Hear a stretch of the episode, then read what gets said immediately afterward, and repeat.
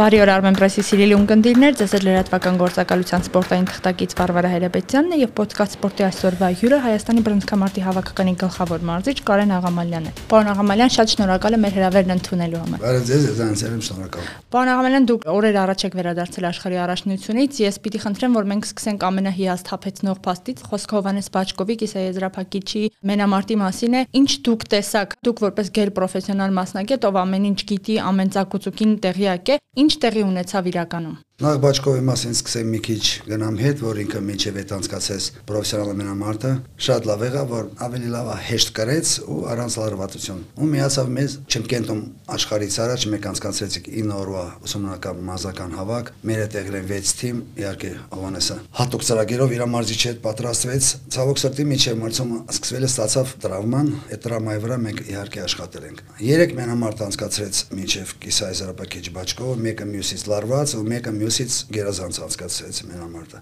Իսկ Իսեզապրակիչում նա հանդես եկավ ուզբեկ մրցակցի հետ, որը բավականին պինդ երիտասարդ տղա էր Ու զարմանալ էր իհարկե որ առաջի ռաունդը վերջացավ մեկ տեսանք որ 0-5 օկուտ ուզբեկ բրոնզկամարտիկին բոլորն էլ զարմացան ոչ թե մենակ մենք երկրորդ ռաունդում բրոնզկամարտիկը որ տարում է մանավանդ S հաշվով 0-5 ամեն ինչ անում է որոշ տեղերը կարող է մի քիչ տպավորություն լինի կարող է մի քիչ ներվային համակարգը չնայած Բաչկովը շատ փորձված իրոք պրոֆեսիոնալ բրոնզկամարտիկա ավելացրեց տեմպը ու ցավոք սրտի երկրորդ ռաունդը կեսին ստացավ հարված դե սովորական նոկդաուն ու այդ ռաունդն էլ գնաց հակառակումը երրորդ ռաունդում ավելացրեց Բաչկովը բայց ոնց որ ասած պոեզը գնաց։ Իհարկե, մինչև հիմա թե թեկուզ մեկ թե ամբողջ բրոնզկամարտի աշխարհը չի ընդունում Բաչկովի պարտությունը։ Այսօրվա օրով չկա բոքսի օրենքի մեջ պրոցես տալը 0.5 բոյը գնաց շատ ցավալ է։ Մեկ սպասում եք, այսինքն Բաչկովը պատրաստ էր ոսկի մեդալու համար։ Պարոն Աղամալյան, եղավ այն ինչ որ եղավ։ Պարոն Աղամալյան, բրոնզկամարտում շատ կարևոր եւ որոշիչ երրորդ անց կա ռինգում, դա մրցավարն է։ Եվ մենք արդեն բազմիցս նման դեպքեր ենք ունենում, որտեղ թեպետ դուք կտրականապես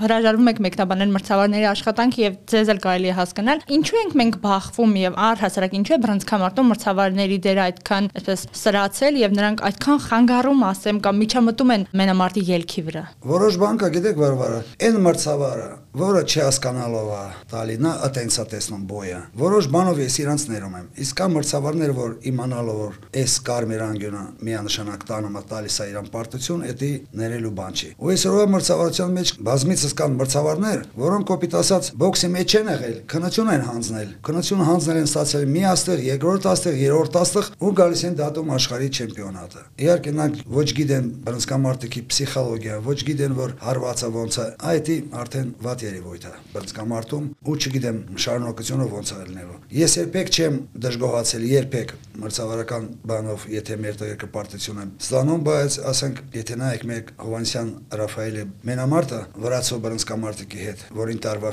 ֆինալում Եվրոպա առաջնության։ Առաջի ռաունդից, հենց առաջի ռաունդից։ Վրացի մրցավարը թույլ չել տալի Ռաֆիկին, որ նա անի բոքս, անընդհատ բռնում էր, բռնում էր։ Նա արժանի էր ստանա երկու նկատողություն։ Ցավոք ռինգի մրցավարը ռուս էր, ստեղ գիտեք ինչ կա։ Այն վրացի մրցակիցը ամբողջ կյանքը կպել է Ռուսաստանի թիմի։ Չգիտեմ, ինչ-ինչի բանով ես գիտեմ ինչ է կատարվել ու չտվեց բանը։ Այստեղ միանշանակ Ռաֆոն կրեց, մեկ զրկվանք մի հատ էլ բրոնզի մեդալից։ Չնայած Ռաֆոն արժանի ամենալավ բաները, ասենք։ Պարոն Աղամալյան, մեր երկրորդ մեդալը նվաճեց Նարեկ Մանասյանը, ով այն բռնցքամարտիկներից, ով իսկապես ներուժ ունի, տաղանդավոր է, աստվածատուր տաղանդ ունի։ Նրա առաջին մեդալն էր, ինչ կասեք նրա մենամարտերի մասին եւ ինչ պոտենցիալ ունի նա։ Ուրեմն, մեկ որ պատրաստ ենք սկզբից ցաղկաձորում, հետո եկանք Երևան վերջի հավաքը չեմ կենտես առաջարան ենք Երևանում, բազմիցս ինձ արին ցածրել են, ասի, այս մրցումների համար վերջի 4 տարվա մեջ ես չեմ տեսել, որ Նարեկը, իհարկե ես նայեմ մեր ամեն ինչը, իմ կոնտրոլի տակ էր, բայց այտենց լուրջ պատրաստվի։ Ու ասել եմ, սպասում եք իրանից արդյունք։ Վերջից բորնել ցույց տվեց, նա ամեն ինչ արեց։ Ամեն ինչ, ասի, գիտես ինչ, արդեն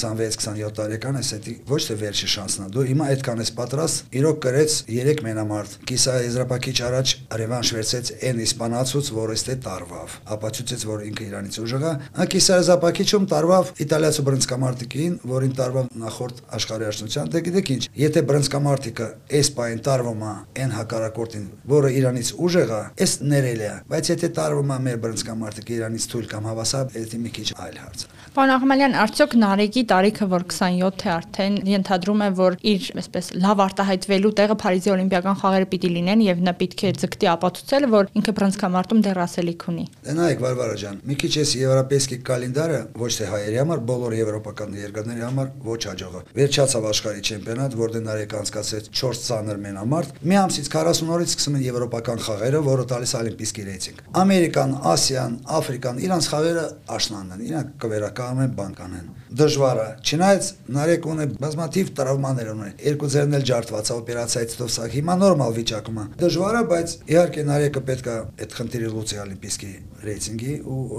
օլիմպիադայում աստված տա լավ մասնակցի։ Մենք սպասում ենք իրանից։ Պարոն Աղամալյան, Հայաստանի առաջնության ավարտին, երբ միասին քննարկում էինք մեր բռնցքամարտիկներին, դուք շատ տպավորված եք Ռաֆայել Հովանիսյանի մենամարտով եւ նրան իսկապես համարում եք այն բռնցքամարտիկներից, ովքեր ունի ներուժ աշխատասեր է, ջանասեր է։ Ինչ կասեք նրա մասին, սա իր առաջին աշխարհի առաջնությունն էր, թեպետ նա Եվրոպայի արծաթե մեդալակիր իր առաջին անգամ մասնակցեց աշխարհի առաջնությանը եւ ես տեսա, վստահ եմ դուք էլ տեսաք, որ նա չվախեցավ որևէ մենամարտից, նա գնաց, տվեց ամեն ինչ, բայց ինչ որ մի պահի չստացվեց ուղակի։ Ուրեմն Ռաֆայելի հետ ես անցկացրեցի է երկար ճանապարհ։ Երիտասարդների հավաքականից, հետո մեր դալիճը մեր պարապում փոքր վախտը։ Մի ժամանակ անընդհատ անհաջողություններ են Ռաֆոյի հետ, բայց ես հավատում եմ իրան, այդ որ վարոժոնն է աշխարհի առաջնությունից տով եկանք, ինքը պատրաստ չէ որոշ հարցեր կար Երևանում, որ Եվրոպա էր։ Այս շատերը կասկածում են կարա կապնի թե չէ, ես հավատացի իրան։ Ռաֆոն առեց ամեն ինչը։ Դե հիմա գիտեք ինչ, վարվար։ Ցավոք սրտի Ռաֆայելի քաշը ոչ օլիմպիական է։ Հիմա մենք ունենք այս օլիմպիական առաջերից գիտորդինի կգնա մյուս բրոնզկամարտիկը։ Համբարձումը կլինի կողմ, օրինակ համբարձումը բայեցա։ Մեկը տենակ հալա, ես չեմ ուզում Ռաֆոին դնեմ քիչ 6-7 կիլո գցել, համել այդ քաշում նա այդքան էլ բան չի, բոքսը այդ պետք չի վրազվել։ Բայց Ռաֆոից գոհեմ հոտեդո։ Իհարկե կան սխալներ։ Երիտասարդ է կարծում հələ դեռ շատ աճելու տեղ ունի։ Պարոն Աղամալյան, ես կուզենայի լսել ձեր կարծիք աշխարհի նախորդ տարվա առաջնության փոխ-չեմպիոն Դավիթ Չալոյանի մասին։ Նա պարտվեց առաջին իսկ մենամարտում, ինչ կատարվեց նրա հետ եւ ինչ պետք է անենք, որ նա շարունակի այսպես բարձր մակարդակի մենամարտեր անցկացնել։ Ես մի բան կասեմ, մեկ էլ ենք սպասում Իրանից հետ նայեմ հենց այդ մենամարտում հաղթանակ։ Որոշ բաներ կա։ Նա Եվրոպա առաջնությունից հետո, որ այդ հարված ստացավ ստեղ Երևանում, չնայած մեր երկու տուրնիր մասնակցել, ված չի մասնակցել, բայց այն վստահությունը հալա չի եկել Իրան մոտ այդ վստահությունը կգա ինձ համար լավ կլինի ու ավելի ճիշտ պետք է աշխատվի։ Եվ շատ մեծ խնդրի առաջ է կանգնած միջազգային ֆեդերացիան, դա այսպես ճակերտավոր հակամարտություն է միջազգային օլիմպիական կոմիտեի հետ։ Դուք մարդ եք ով տարիներ շարունակ ապրում է բոքսով։ Կբացատրեք մեզ, թե ինչ է իրականում կատարվում այս երկու մեծ կառույցների միջև եւ ինչպիսին պիտի լինի ապագան։ Ինձ թվում է դա ավելի շատ ոչ թե սպորտային հարց է, պոլիտիկայի հարց է։ Ոչ մոկնա ուզում քայլ հետանի, ոչ էլ նախագահան ու Մարկ Կրեմլովը։ Ոնց կլինի շատ